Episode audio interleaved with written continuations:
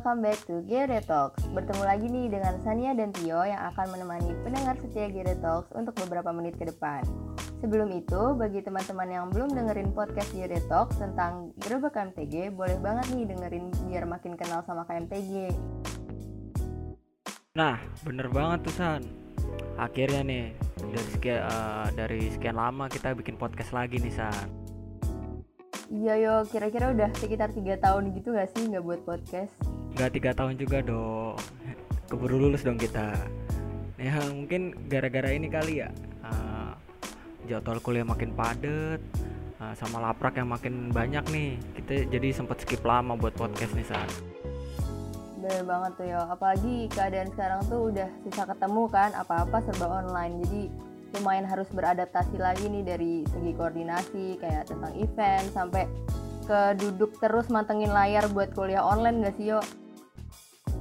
Nah bener banget terus ngerasa nggak sih San uh, selama kuliah online itu kita jadi nggak maksimal itu loh dalam belajar uh, misalnya kayak praktikum nih kita yang harusnya ngukur ke lapangan malah jadi praktikum online kan Iya, apalagi kita basicnya kan teknik ya, jadi praktikum tuh penting banget buat kita. Cuma takut aja sih tiba-tiba lupa cara megang alat-alat geodesi.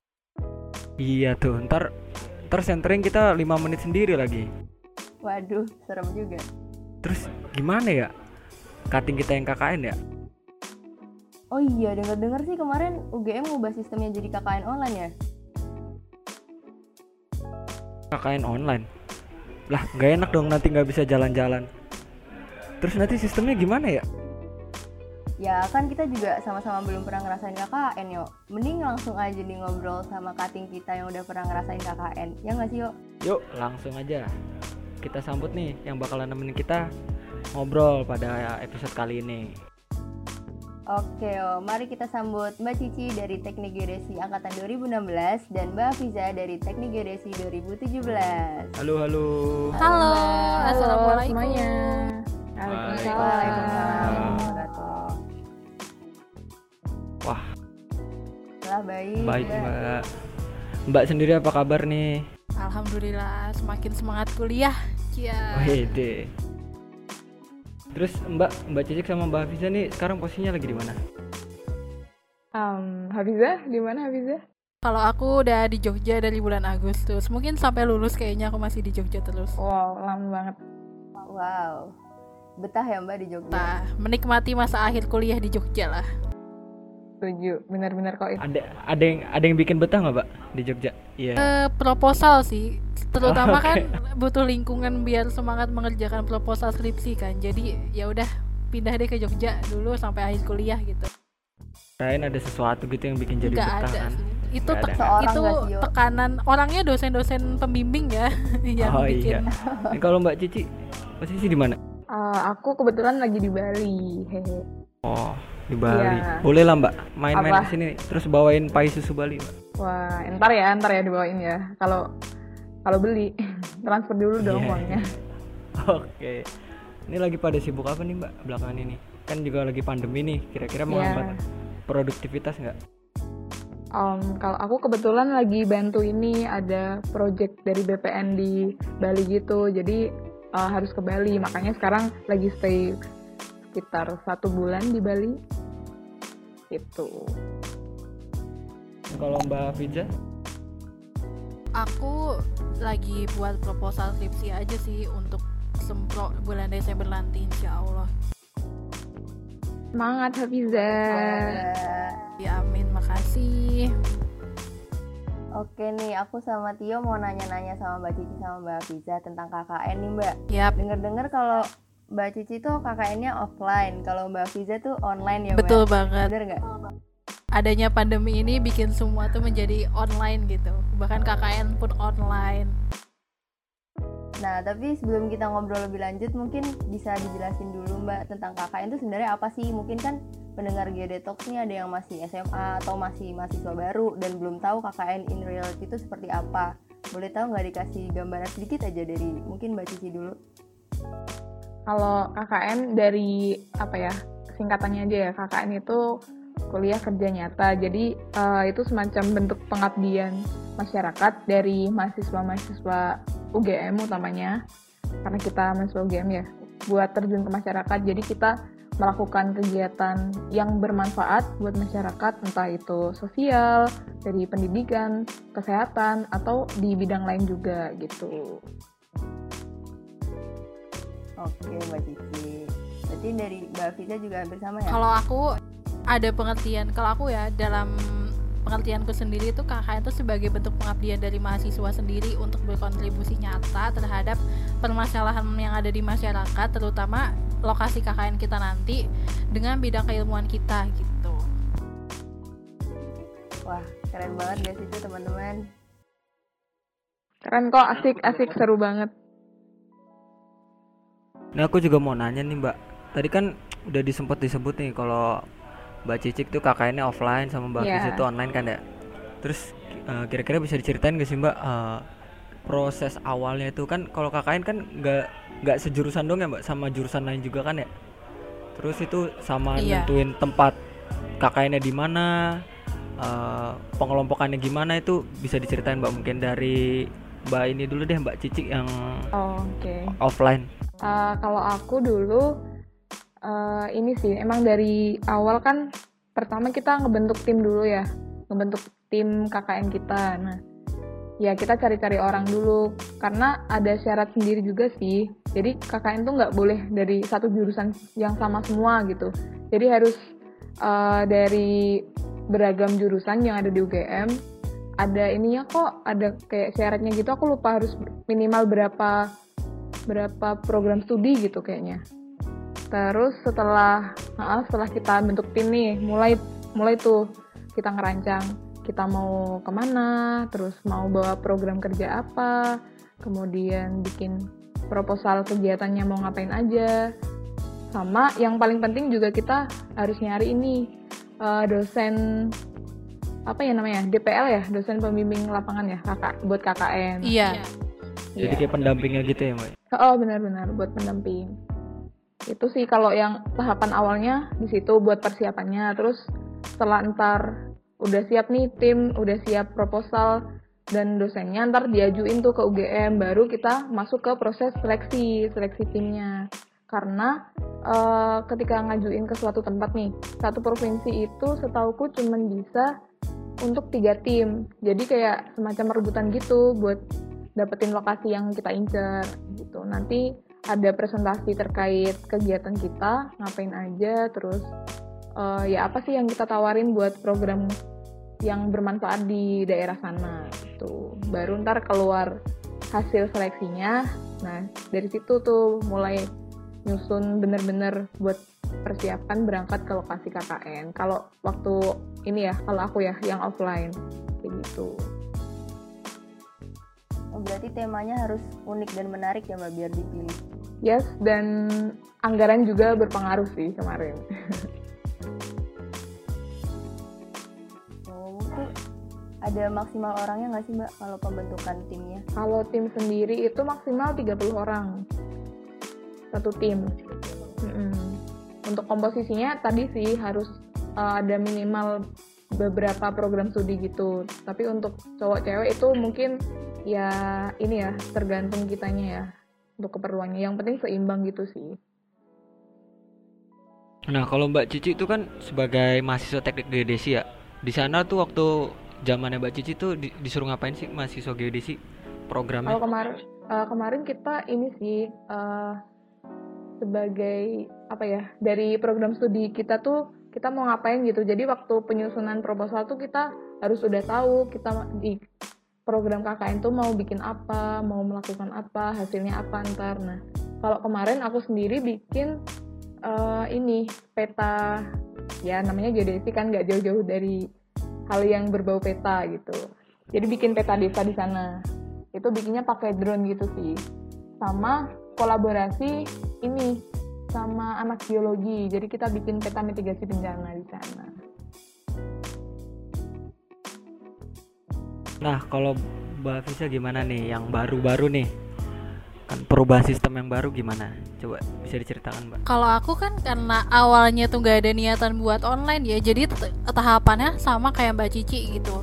uh, pertama kita selain itu juga aku nanya ke kating dulu kakak tingkat yang udah pernah KKN di sana kebetulan ada kakak tingkat geodesi yang udah pernah KKN di tempatku juga di Tanjung Jaya. Nah aku tanya-tanya dulu sama masnya gitu. Tanya minta kontak stakeholdernya yang ketua RW-nya ketua uh, apa lah kepala kecamatan kepala camatnya gitu. Abis itu juga sama sama persis kayak Mbak Cici.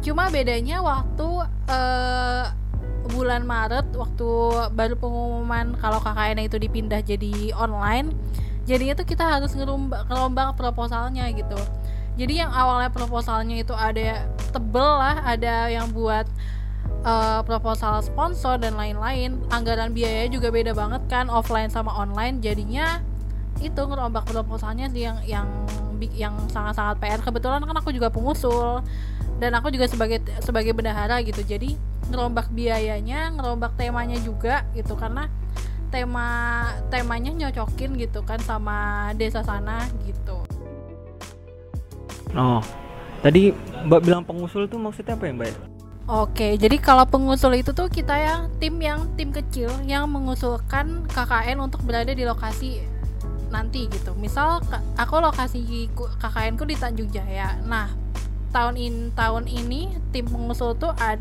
maksimal 8 orang yang di proposal yang ditulis di proposal awal nah itu yang tadi Mbak Cici bilang tentang ngajuin proposal ke DPKM supaya lolos atau enggak. Nah itu tuh tim tim pengusul yang yang nyusun gitu.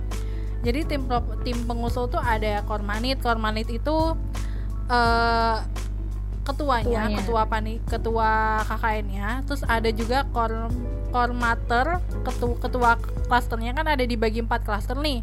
Saintek, Agro, Medika, sama Sosum. Nah, masing-masing itu tuh punya ketuanya sendiri. Nah, nama nama ketuanya itu Kormater dan satu lagi ada Kormasit. Kormasit itu jadi satu desa kita nanti, satu desa Tanjung Jaya nanti itu dibagi beberapa desa lagi. E, dibagi beberapa kalau aku dibagi beberapa wilayah lagi gitu. Nah, nama wilayah itu subunit. Nah, jadi kita dibagi beberapa subunit dan tiap subunit itu punya ketua namanya kormasit gitu. Tapi yang wajib ada di pengusul itu kormanit gitu. Kalau misalnya kormater sama kormasit itu bisa menyusul gitu. Kormanit, bendahara sama sekretaris dan lima orang lainnya itu wajib ada di proposal pengusul gitu. Oke, terus Mbak Fiza kemarin ngapain aja tuh sebagai mahasiswa teknik geodesi di sana? Oh iya, karena kan uh, aku kan berencana karena KKN offline itu prokerku emang rada-rada berubah sih, cuma gak banyak karena kan emang uh, mahasiswa geodesi kalau KKN itu em emang kebanyakan bergeraknya secara di bekerjanya secara digital kan. Jadi aku akhirnya buat uh, sebenarnya awal-awal tuh aku identifikasi masalah dulu di Tanjung Jaya sana. Apa sih yang menjadi kekurangan Tanjung Jaya? Kebetulan Tanjung Jaya itu kan uh, ken, apa kena dampak tsunami Tanjung Lesung tahun 2018 dulu kan. Jadinya tuh banyak banget masalah-masalah tentang pariwisatanya lah tentang uh, masyarakatnya juga. Jadi aku identifikasi dulu apa nih masalah-masalah yang ada? Dan ketemulah satu turis di Tanjung Jaya itu nggak banyak gitu. Padahal wisata di sana tuh bagus banget dan dan sangat-sangat potensi berpotensi lah untuk menjadi destinasi, destinasi wisata yang terkenal gitu cuma sayangnya belum belum ada dan masih sepi wisatawan yang datang ke sana. Akhirnya aku buat peta rute transportasi umum. Jadi teman-teman dari teman-teman backpacker teman-teman yang yang suka naik transportasi umum buat buat ke tempat wisata aku nyedia, nyediain jalur transportasinya rute transportasinya supaya teman-teman tuh nggak bingung mau naik. Kalau misalnya da, dan itu kan aku buat rutenya dari Jabodetabek kan. Jadi teman-teman itu tuh nggak bingung oh kalau misalnya teman-teman yang ada di Bogor nih mau ke Tanjung Jaya itu naik apa ya? Jadi bisa bisa lihat dari peta itu gitu. Aku dan itu tuh petanya juga aku masukin ke website supaya bisa dilihat oleh semua orang dengan gampang gitu. Nggak perlu download download gitu. Oke. Kan kalau Mbak Cici tadi kan uh, keadaannya offline. Jadi bisa bertemu secara langsung dengan masyarakat kan ya? Jadi bisa bagaimana bisa tahu gimana respon masyarakatnya. Nah kalau Mbak Hafiza ini gimana Mbak? Uh, respon masyarakatnya terhadap uh, perubahan KKN-nya jadi online apakah bisa mengikuti dengan baik atau ada kendala-kendala? Itu gimana Mbak? dari awal sih alhamdulillah pas kita bilang uh, eh, KKN yang diubah jadi online mereka tetap mau ya tetap mau menerima kita. Karena banyak banget aku bersyukur banget tentang hal ini. Karena banyak banget teman-teman aku yang akhirnya ditolak sama desa-desanya karena uh, gak mau di kalau KKN online. Karena kan KKN online itu kan gak uh, kita nggak datang ke desanya plus uh, peng orang desa tuh bahkan ngeluarin kuota ngeluarin pokoknya usaha juga buat kita gitu. Bahkan orang desa kalau waktu aku di Tanjung KKN kemarin warga desa Tanjung Jaya itu bantuin kami buat nyari data gitu dengan ikhlas dengan seikhlas ikhlasnya gitu. Jadi makanya aku bersyukur banget KKN di sini karena orang-orangnya juga suportif banget. Orang-orang yang mau bantu kita mau bantuin kita nyari data mau bantuin kita webinar-webinar itu bahkan ketua Darwisnya sendiri tuh mau mau apa ngajak warganya buat ikut zoom ikut webinar kita gitu ikut lomba-lomba yang kita adakan gitu Berarti dari masyarakat sendiri juga excited ya mbak ya? Sangat terhadap... sangat sangat welcome. Terus apalagi banyak banget uh, proker proker proker proker dari kelas sosum kan yang yang interaksi dengan masyarakat langsung tuh. Itu tuh pada pada semangat buat ngikut lomba-lombanya juga ada yang ikut, ada ada yang rame lah pokoknya tetap rame gitu pas penutupan pun rame banget alhamdulillah juga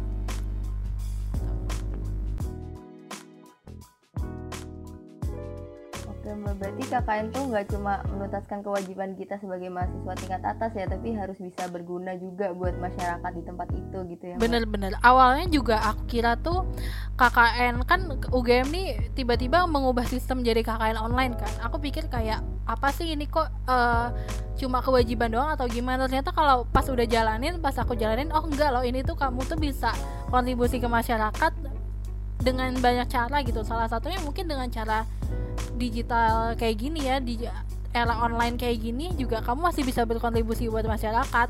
Kamu masih bisa memberikan pengaruh ke masyarakat even itu secara online gitu. Jadi tempat itu nggak menghalangi kita untuk bermanfaat bagi orang lain betul ya. betul. Banyak cara lah pokoknya buat kita tetap bisa bermanfaat oke kira-kira nih mbak dari mbak Cici sama mbak Fiza ada experience yang nggak terlupakan gitu nggak dari KKN mungkin yang nggak nggak bakal dirasain di luar KKN itu apa gitu? Hmm. banyak sih kalau aku kemarin. Selain lebih banyak ya iya lumayan banyak. Ada kejadian kayak KKN desa penari gitu nggak? Waduh. Nggak ada kalau itu nggak ada jangan jangan ya.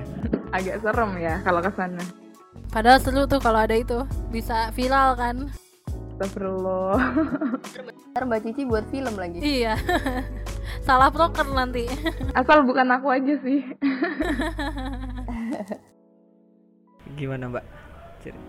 Ada nggak? Uh, pengalaman-pengalaman unik gitu selama di sana?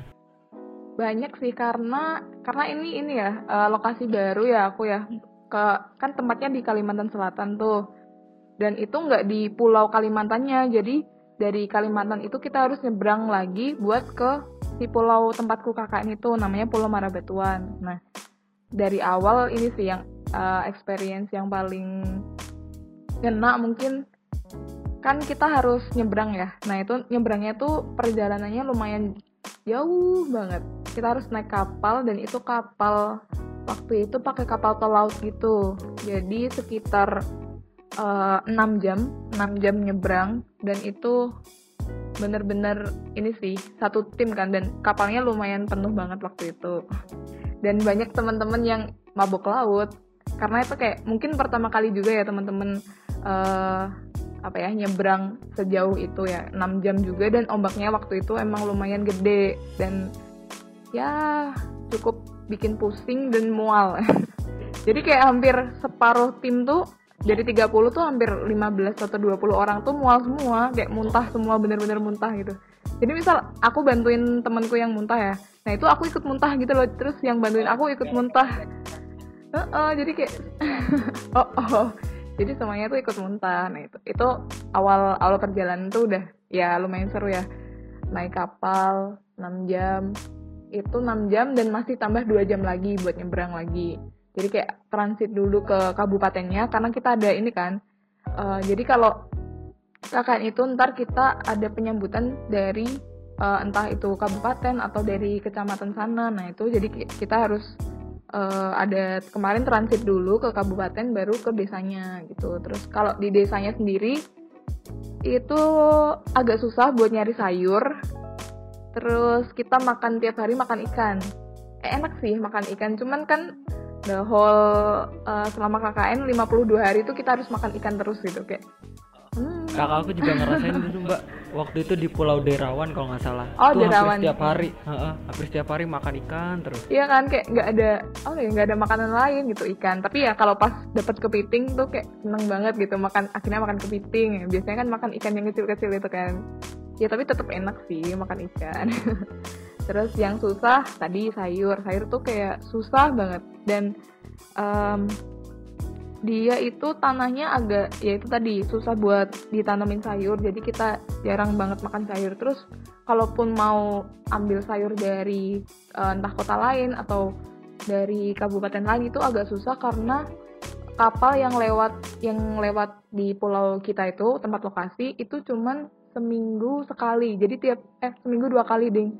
Tiap hari Rabu sama Sabtu ada kapal lewat. Jadi kayak kita nggak bisa tiap hari mau keluar pulau atau masuk pulau itu nggak bisa. Jadi harus nunggu jadwal kapal yang satu minggu dua kali itu hari Rabu atau hari Sabtu. Terus sama oh iya kemarin kan kebetulan waktu aku KKN itu uh, pas sama Idul Adha. Nah Idul Adha kan kita biasanya makan daging tuh nah di situ itu nggak ada nggak ada kita Idul Adha di situ dapatnya daging ayam Wah. kita tapi akhirnya makan ayam, makan selain ikan gitu kan. Cuman kayak kita nggak dapet daging yang entah sapi atau kambing gitu nggak dapet. Idul Adha makannya biasanya uh, makan ayam, makan eh makan ayam, makan daging sapi, daging kambing. Nah di situ kita makannya makan ayam. Ya tetap bersyukur sih tapi. Kalau keadaan keadaan kampung di sana gimana pak? Listrik udah ada apa masih oh, bener-bener ya. belum terjangkau? kalau listrik iya listrik sama sinyal ya mungkin ya kalau listrik itu cuman ada dari jam 6 sore sampai 6 pagi jadi uh, setelah jam 6 pagi siang terus sore sampai 6 jam 6 sore itu kita nggak sama sekali nggak bisa nyolok atau nggak bisa pakai listrik di sana nggak ada jadi cuman nyalanya 6 sore sampai 6 pagi 12 jam. Terus sinyal nih sinyal nih kadang suka hilang-hilangan pagi tuh suka hilang sore suka hilang gitu. Cuman ada telkomsel dan itu pun ya nggak sekenceng gitu loh. Kadang suka hilang sendiri. Makanya kemarin waktu uh, kan di akhir-akhir mau KKN tuh ini ya misi si master ya. Nah itu susah banget kayak buat palawar gitu si mawar ya si mawar ya. Ya. Kalau dari Mbak Afiza, kalau dari Mbak Afiza gimana? Kalau online pengalamanku kan emang aku di tim KKN ku aku jadi bendahara ya. Dan uh, walaupun KKN online kita dap tetap dapat uang dari UGM dari DPKM 5 juta. Nah, tapi pengeluaran KKN online itu kan sangat sangat sangat dikit kan, hampir nggak ada malah karena emang emang semua proker itu di dibawa digital gitu dibawa online gitu. Jadi pengeluaran tuh HP lo tapi uang DPKM tuh wajib dihabisin gitu. 5 juta itu wajib habis. Nah itu tuh bikin PR banget uh, gimana cara ngabisin. Dan akhirnya pun aku kayak memperbanyak mem mewajibkan teman-teman tuh buat banyak yang ngeprint gitu. Kayak ya udah pengeluaran kita adanya di print-printan itu di print apa namanya di print-printan. Terus misalnya ngadain lomba nih ya hadiahnya hadiahnya dibanyakin gitu. Misal kan kalau hadiah itu boleh di DPKM jadi kan pengeluaran itu juga ada persyaratannya kan. Jadi benar-benar pengeluaran itu tuh cuma ada di uh, pelin-pelinan terus cuma ada di lo, hadiah lomba dan satu lagi tuh pembelian bahan itu pun dikit banget gak, gak apa gak sebanyak pelin-pelinan gitu. Itu PR banget sih. Dan kebetulan juga karena di timku ini ada uh, dua orang yang asli Banten gitu. Jadi tetap kita ke sana ke Tanjung Jayanya nyapa desa karena kan cuma tiga jam doang tuh jaraknya. Jadi kita tetap ke sana buat ya jadi perwakilan tim KKN lah walaupun online gitu. Tapi ada perwakilan kita tetap ke sana itu sih hal-hal unik yang yang nggak bisa dilupain juga gitu itu subsidi kuota nggak termasuk itu ya? sudah masuk subsidi kuota cuma karena aku meng Oh. aku tuh bendahara yang cukup menghemat dari awal jadi Bendahara Jadi jahat aku- ya.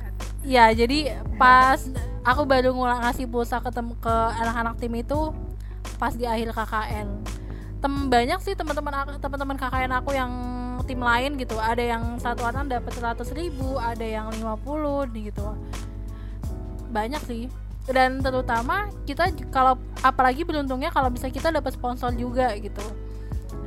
Kalau dapat sponsor itu lebih eh, lebih beruntung lagi karena duitnya duitnya makin bingung mau dihabisin buat apa gitu. Itu sih. Oke. Ini kan dari tadi eh, Mbak Cici sama Mbak Visa udah ngejelasin gimana pengalamannya dulu meskipun dengan kondisi yang berbeda lah ya. Nah, aku mau nanya nih, eh, value yang bisa diambil selama 40 hari itu apa sih Mbak dan apa pentingnya KKN menurut eh, Mbak Cici dan sama Mbak Visa ini? Monggo, bisa dari Mbak Cici mungkin. Eh, kalau dari aku kan aku kemarin offline ya alhamdulillahnya bisa ke sana bisa interaksi langsung sama warga-warga sana. Jadi tahu gitu eh, hidup di sana itu seperti apa terus kegiatan warga sana kegiatan eh, pencahariannya mereka terus kemudian kayak sekolah terus kesehatan dan eh, bidang apa pun di sana tuh kita ngelihat ya. Dan kayak di- jadi dapat gitu perbedaan apa yang kita rasain ketika KKN dan ketika kita berada di kayak rumah entah rumah kita sendiri atau ketika kita kuliah di Jogja itu kayak eh, beda banget. Karena di sana eh, ini cerita dikit ya di sana itu eh, sekolah cukup jarang. Terus kan listrik tadi juga susah kan jadi kayak ketika ujian nasional atau ada sesuatu yang penting tuh harus keluar pulau gitu. Jadi kayak perjuangannya tuh emang kerasa banget. Terus kemudian fasilitas kesehatan juga masih masih kurang sih kalau di sana juga. Kemarin ada puskesmas cuman eh, dokter yang stay di sana itu pun nggak nggak setiap hari gitu loh ada. Jadi kayak eh, apa ya emang ngerasa beda banget kalau di sana gitu. Jadi kayak ngerasa lebih bersyukur terus lebih pengen banget bantu di sana kemarin tapi karena kemarin itu di timku kebetulan medikanya cuma sedikit ya. Jadi kayak ya apa ya mungkin ngerasa agak kurang membantu dari segi kesehatan. Tapi teman-teman yang dari tim apa ya dari prodi lain tuh cukup membantu gitu.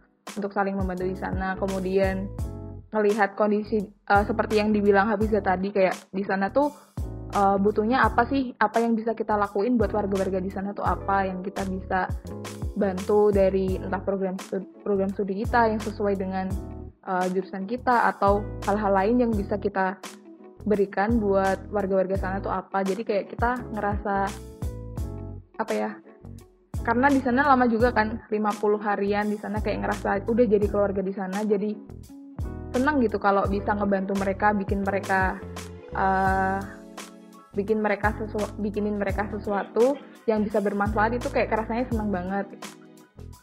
Gitu sih. Mungkin kalau dari Mbak Hafiza? Kalau aku walaupun online kita tuh tetap bisa berkontribusi sesuai ke- sesuai ilmu bidang ilmu kita atau sesuai dengan hobi kita ke masyarakat gitu.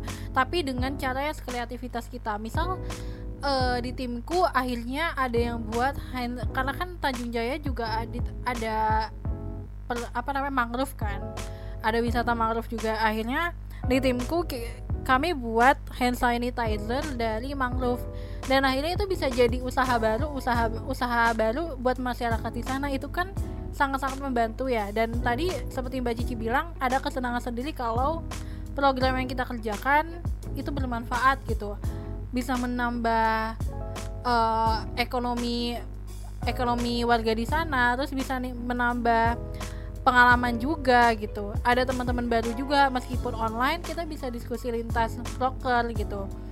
Da- karena karena eh, KKN ini kan gak cuma tentang proker geodesi atau proker sesuai klaster kita saintek gitu. Itu enggak tapi ada juga proker lintas klaster kayak aku ikut prokernya anak-anak sosum aku ikut prokernya anak-anak agro gitu. Itu diwajibkan dan aku jadi belajar hal banyak. Aku jadi belajar hidroponik aku jadi belajar tentang kesehatan gitu. Apalagi pas pandemi juga aku jadi dapat ilmu baru gitu yang aku belum pernah tahu kalau oh ternyata kalau ada ini loh ilmu baru loh ini. Kalau nggak di KKN ini aku juga belum tentu dapat gitu. Makanya banyak banget hikmah-hikmah KKN walaupun itu bisa dilaksanakan secara online gitu. Itu tidak membatasi. Oke mbak.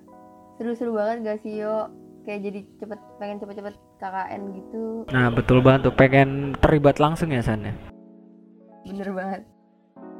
Nah ini kita tuh kan tadi udah agak pusing ya bahas KKN Kayak wah banyak banget pengalaman-pengalaman yang belum kita rasain. Terus di sana tuh semuanya ada gitu. Nah sekarang kita mau bahas stereotip-stereotip orang-orang tentang KKN nih. Kayak mitos atau faktanya gitu Apa tuh? Setuju nggak mbak-mbak? Stereotip apa ya? apa tuh jadi penasaran Stereotip yang pertama Bener gak sih mbak pas KKN tuh banyak yang cinlok Atau mungkin yang udah pacaran tuh malah putus ini kayaknya lebih merasakan yang KKN offline sih ya Aduh. Online juga bisa loh mbak kan chatting Nah, tuh chattingan. bisa tuh. Em, kalau ini ya, kalau dari based on timku sendiri sih nggak ada tuh. Timku kayaknya nggak ada yang cinlok cinlokan tuh. Semuanya pada aman-aman aja sih kayaknya kemarin. Cuman ya kalau dari tim-tim lain ya banyak banyak dengar juga sih Eh, ada yang putus ada yang dapat gebetan baru ada yang em, ya entah baper-baperan atau gimana tuh banyak juga sih dengar-dengar kayak gitu ya namanya kan kita hidup di sana tuh dua bulan ya hampir dua bulan. Tiap hari bareng bangun tidur ketemu proker bareng tidur lagi terus rapat terus dianterin malam-malam ke rumah kadus dianterin malam-malam ke kecamatan segala macam dari situ mungkin karena keseringan bareng kayak pepatah orang Jawa ya witing tresno jalanan soko kulino. Nah mungkin dari situ tuh ya muncul benih-benih apa tadi stereotipnya ya? Dari banyak yang cinlok kayak gitu-gitu. Mungkin itu sih. Tapi kalau dari timku sendiri kayaknya kemarin em, nggak ada sih. Kalau dari timku ya. Kalau Afiza gimana tuh? Kalau online nih lebih apa ya? Aku nggak pernah denger sih ya ada cinlok di KKN online gitu. Karena kan tetep aja gitu cuma chattingan ya. Oh kalau misalnya ada yang baper karena chattingan aku nggak tahu kalau tapi yang selama ini aku dengar nggak ada tuh yang putus karena KKN online. Malah bisa makin deket sama pacarnya bisa makin bebas kan. Jadi enggak sih kalau KKN online menurut aku. Siapa tahu curhat-curhat gitu kan kan. Curhat masalah KKN gitu ya berawal dari curhat. iya. Yang penting mah ada niat di situ ada jalan. oh niat niat apa tuh niat apa tuh niat KKN Niat KKN maksudnya niat KKN. niat gitu. KKN oh iya iya benar kan harus niat Harus niat. Nah, terus mau nanya nih, mahasiswa yang loka, lokasi KKN itu jauh-jauh itu beneran tujuannya KKN apa liburan sih mbak? Itu. Em, ini kalau ini kayaknya balik ke pribadi masing-masing mungkin ya. Ada yang emang eh, dari tujuan awal emang pengen KKN, ada yang entah emang mengincar suatu lokasi buat ke sana buat mungkin liburan atau ada yang pengen KKN sekaligus liburan. Yaitu kayaknya itu balik ke pribadi masing-masing sih kalau menurutku. Gimana tuh kalau menurut aku iya karena kan tadi yang aku bilang awalnya tuh aku nggak niat tim KKN kita kan KKN tahun ini kan emang gak ada niatan buat online kan. Jadinya emang aku mikirnya aku pengen liburan tapi tetap di daerah Banten karena kan aku tuh asli Banten tapi aku jarang banget liburan ke daerah Banten gitu. Aku pengen liburan eh, pengen KKN pengen berkontribusi sekaligus liburan tapi di daerah Banten aja gitu. Banten yang cukup pelosok lah dan alhamdulillah dapat lokasinya tapi emang belum rezeki untuk KKN secara offline gitu kan. Jadinya ya tetap bisa yang penting bisa berkontribusinya itu sih aku dapat dapat hal itu gitu Iya, karena dan lagi pula kalau- iya gimana mbak enggak kamu dulu coba Oh iya ya. KKN ini kan nggak cuma tentang liburan kan. Jadi ada yang namanya kita danusan gitu sebelumnya. Timku pun begitu. Pasti tim Mbak Cici juga gitu nyari duit juga kan. Danusan jualan apa Bunga. Mbak sosis bakso bakar nggak sih? Bakso bakar. Terus sosis tahu bakso. Terus apa lagi ya? Bunga di Malioboro bener banget itu. Itu kan kita nyari duit nih buat uh, KKN karena kan kalau KKN offline kan emang keperluannya banyak tuh keperluan tiket akomodasi makan dan lain-lain transportasi dan lain-lain. Dan itu uh, di- dilakukan kan emang biar pengeluaran dari dana pribadi kita tuh minim. Bahkan aku dengar dengar aku banyak banget mendengar kalau tim KKN kakak tingkat yang dulu itu tuh cashback bahkan. Cashbacknya lumayan bisa 600 sampai 1 jutaan ka- kan saking lancar nyari sponsor dan danusannya sih. wow keren keren Berarti lebih tepatnya itu liburan tapi tetap melakukan hal yang produktif dan bermanfaat. Betul, gitu ya, dengan pengeluarannya minim juga karena danusan dan lain-lain. Tap- tapi ada juga loh eh, ini misal nih kita pengen ke lokasi A ya tapi ternyata waktu seleksi tuh waktu presentasi kita nggak lolos gitu lokasi itu nggak dapet kita jadi kayak harus ada yang kelempar terus harus nyari tempat baru lagi jadi kayak ya mungkin ada yang niatnya liburan tapi terus karena niatnya emang liburan nggak yang bener-bener gitu ya bener-bener ngabdi jadi kayak dilempar atau ke mana Keasikan itu. iya Dan uniknya ya. lagi ke diri masing-masing ya. Iya, dan uniknya di KKN ini tuh kalau untuk tim pengusul ya, nanti kalau misalnya misalnya lokasi kalian gak disetujui nih sama DPKM. Nah, 8 orang yang ada di proposal ini dia nggak boleh pisah. Dia harus setim lagi. Entah kelempar di tim yang mana, tapi mereka harus berdelapan. Itu Iya. yang bebannya jadi pengusul tuh itu. Cuma ya cukup seru karena kita bikin proposal, kita rapat nyampe malam rapat ngebahas proposal ini tuh emang ya ada ada kesulitannya sendiri tapi seru sih. Dan ada ini juga sih dulu kayak pernah dengar isu ya kalau uh, tim pengusul tuh ada yang keluar ntar bakal bakal dilempar ke K2 ya. Eh K1 apa K2 sih yang Yang di Jogja. ha, ha, ha, gitu kata ya ada isu juga kayak gitu sih kalau tim pengusulnya bubar. Tim pengusul tuh harus tetap bersama even timnya apa lokasinya tuh ditolak gitu. Dan mungkin banyak-banyak cari info dari DPKM aja sih biar nggak miskom atau gimana ketinggalan informasi gitu. Berarti harus tetap nyiapin plan B ya. Yes. Kalau misalnya ditolak. Iya, dan gak cuma lokasi sih, bahkan ada dosen yang eh, nolak gitu. Bahkan ya walau waktu KKN online ku awal-awal itu eh ada teman aku yang dosennya tuh mengundurkan diri. Jadi timnya tuh ti- tidak mengundurkan diri. Timnya tuh oke-oke aja, desanya oke. Tapi dosennya itu mengundurkan diri. Alasannya sih karena merasa tidak sanggup kalau KKN-nya dilaksanakan secara online. Ada yang seperti itu. Jadi emang eh, realitanya tuh kadang nggak sesuai dengan apa yang kita inginkan gitu ada dosen yang mau ada desa yang nolak buat dilaksanakan KKN online bahkan ada dosen dosen dan tim-tim anggota teman-teman lain yang menolak gitu yang yang mengundurkan diri itu pak itu terjadi sih kemarin itu Walah, oke oke mbak. Ini tadi kan mbak Cici sama mbak Fiza udah cerita pengalaman yang begitu luar biasa tentang KKN. Kira-kira ada pesan buat KKN tahun depan gak sih mbak? Barangkali dari mbak Cici sama mbak Fiza ada tips and trick sendiri gitu dari eh, mungkin dari mbak Cici dulu boleh. tips and tricksnya apa ya Em, mungkin disiapin ya dari awal entah pengen jadi tim pengusul kayak Hafiza atau pengen ikut oprek-oprek aja. Sama apa?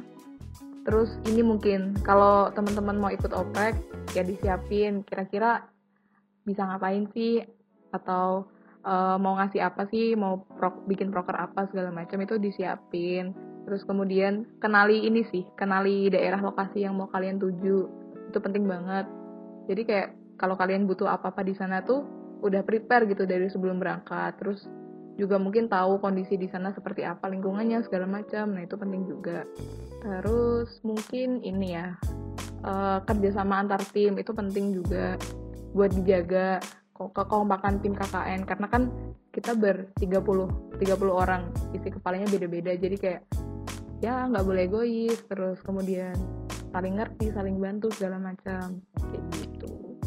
Ya semangat pokoknya buat teman-teman yang tahun depan mau KKN entah itu offline ataupun online kayak Mbak Hafiza tuh keren banget sih menurutku bisa tetap kontributif dan kreatif ya waktu KKN online. Karena nggak banyak yang kayak gitu gitu. Karena uh, banyak banyak keterbatasan juga ya Zak.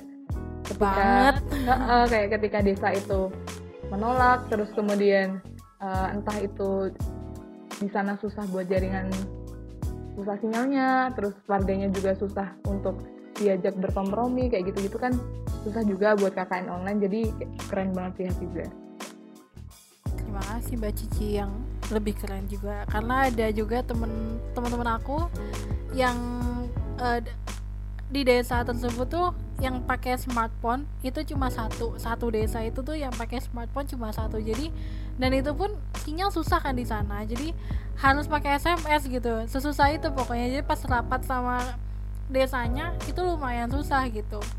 Dan bakal ada tantangan tiap tahun di KKN ya. Bahkan kalau misalnya teman-teman pilih lokasi yang sebelumnya itu pernah pernah dilaksanakan KKN juga di periode sebelumnya kalau misalnya KKN itu lebih baik uh, daripada sebelum itu jadi beban juga buat kita. Karena kita harus lebih baik daripada sebelumnya gitu.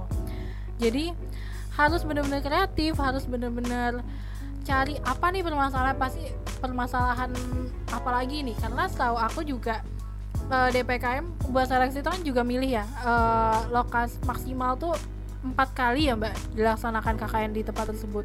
Seingat yeah. aku ya aku juga lupa gitu. Ya pokoknya siapin aja. Kalau kalaupun teman-teman mau jadi pengusul siapinnya tuh dari lama gitu. Kalau aku nyiapinnya dari bulan Juli 2000 uh, Juli 2019 gitu. Agustus 2019 maaf. Aku aku sih aku KKN bulan Juni 2020 tapi aku se nyiapin sebagai pengusul. Kebetulan aku aku tuh ya aku yang yang tim pencetus juga tim pencetus tim pencetus di KKN itu. Jadi aku nyiapin dari bulan Juli mulai dari nyari tim pengusul nyari objektif pengusul terus op, nyari dosen. Karena kan dosennya nih milih-milih juga nih mana kira-kira dosen uh, tips dari aku juga sebagai tim pengusul pilihlah DPL yang membuat kamu nyaman. Nyaman dalam arti nyaman dalam berkomunikasi dalam nyaman dalam bekerja sama biar tidak terjadi miskom di kemudian hari. Karena ada ada juga teman aku yang uh, dosennya itu yang tadi mengundurkan diri dan lain-lain di tengah jalan gitu nanti bakal kalau kalau bisa dari awal tuh pilih dosen yang emang buat tim kamu nyaman gitu. Habis itu siapin proposalnya siapin juga uh, waktu untuk buka oprek ke teman-teman yang lain gitu untuk nyari anggota tim yang lain gitu. Dan harus mempersiapkan yang namanya juga pengusul kan. Jadi hari kita juga yang hubungin uh, pihak desanya untuk bertanya apakah mau nggak kalau misal boleh nggak kalau UGM tuh melaksanakan KKN di daerah ini? Karena ya membawa nama UGM itu tuh beban cukup beban di desa di di desa KKN gitu. Karena UGM ini kan di wow banget ya. Orang-orang desa di sana itu menganggap UGM anak-anak UGM tuh keren. Jadi itu benar-benar menjadi beban banget buat aku juga buat mungkin buat teman-teman KKN yang lain juga gitu. Membawa nama UGM karena kita harus bisa memberikan yang terbaik di tengah banyaknya keterbatasan gitu. Dan saranku lagi pas oprek dan pas oprek pengusul atau oprek yang lainnya pilihlah teman KKN yang tidak akan membuat timmu menderita. Bukan individu loh ya tapi tim. Jadi sebisa mungkin pilih anggota yang tidak akan membuat timmu itu menderita di kemudian hari. Itu tips dari aku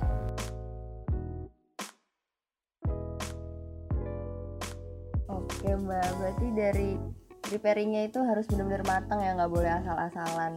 Iya benar benar dari timnya sampai dosen pembimbingnya itu benar-benar harus yang membuat kita itu nyaman gitu ya. Iya karena kita bakal kerja sama 50 hari kan.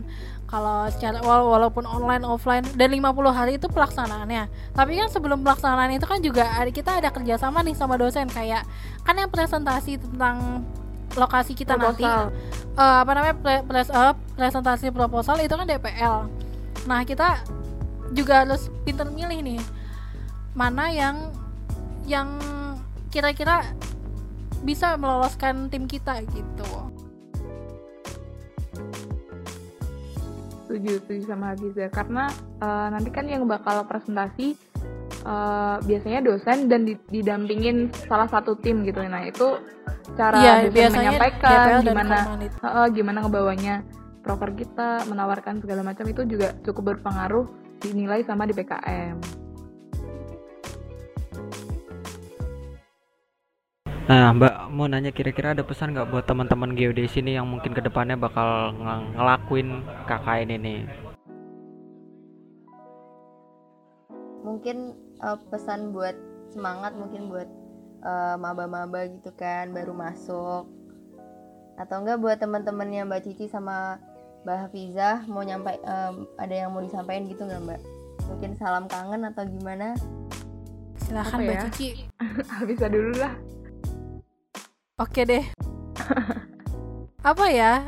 Eh, pesan aku ya tadi persiapkan yang terbaik, pilih teman dan anggota dan dosen yang membuat kamu nyaman bekerja sama dengan dia, bekerja sama dengan mereka dan dan tim gitu. Terus apalagi jangan takut KKN deh. KKN tuh tidak semenyeramkan itu kok. Awalnya juga aku mikir banget nih KKN online nih aku bahas apa ya? Sedangkan eh, aku tuh jujur aja aku lemah tentang JIS gitu. Aku tuh lemah banget di JIS. Dan apa ya broker geodesi yang bisa aku wujudin di online ini? Mau gak mau kan JIS. Jadi aku juga belajar banyak tentang JIS gitu. Jadi persiapkan semuanya sih ya. Eh, apa yang mau kalian bawa dan bahkan ada juga teman-teman aku yang KKN tapi sekaligus proyekan itu juga ada gitu. Jadi ya pintar-pintar memilih broker lah. Sambil menyelam minum air ya. Iya benar-benar. Ya pokoknya daerah Sulawesi atas sana ya Mbak yang apa tuh? Proyek KKN sekaligus proyekan gitu. Oh. Kalau aku ya sama sih kayak Fiza dipersiapin terus. Karena eh, makin ke sini menurutku kita juga geodesi juga bisa merambah ke banyak hal gitu. Jadi jangan ragu buat belajar apa ya ngembangin geodesi buat apa ya bikin geodesi itu ke arah kreatif gitu. Dan itu bisa teman-teman dapetin bisa sharing sama dosen sama mungkin Pak Dani itu banyak banget ide-idenya atau Pak Andi. Nah itu pasti beliau-beliau tuh bakal nyaranin sesuatu gitu yang bisa ngebawa geodesi uh, berkembang dengan cara yang kreatif yang nggak biasa. Itu boleh banget. Atau diskusi sama teman-teman yang lain kakak tingkat atau alumni bahkan itu boleh banget. Terus buat apa ya? Ya bikin inilah uh, hal baru gitu geodesi ngapain sih dan kan nggak banyak juga yang masih masih banyak orang yang nggak tahu gitu geodesi apa bedanya geologi apa gitu kan jadi kayak ya bikin sesuatu Banyak yang banget. Bikin sesuatu yang Bisa sekalian nge- mengenang gitu. ngenalin geodesi gitu ya, Mbak? ya? Ah, ah, mengenang geodesi biar nggak apa sih ini jurusan awam banget gitu kan kan sekarang banyak apa ya sekarang kan zamannya digital nah itu bisa dimanfaatin tuh kita juga bisa belajar banyak hal di situ Dan bahkan ada eh, teman-temanku yang membawa proker KKN itu menjadi skripsi gitu.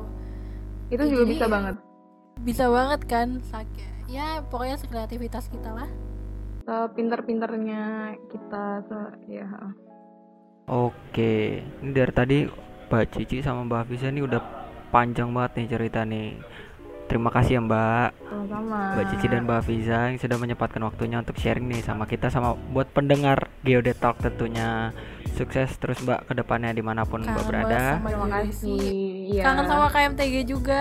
Semangat ya kepengurusan ini ya. kangen sama kampus Oke, siap Mbak. kangen banget sama kampus ya Semoga skripsiannya lancar. amin Amin. Amin amin. semangat buat teman-teman ya yang bentar lagi kemah kerja nggak sih eh Oh 2018 nih yang kemah kerja ya? Ada yang kemah kerja, ada lagi yang yang liburan ya, yang tetap liburan. ada yang skripsian, nah, semangat ya. Oke, makasih Mbak. Oke teman-teman untuk yang merasa podcast ini berguna bisa banget untuk di share ke teman-temannya ya. Untuk pendengar setia Geodetalk, jangan lupa untuk selalu menerapkan protokol 3M.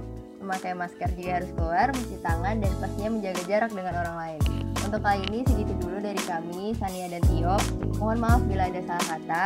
Thank you and see you guys next time. Bye-bye. Bye.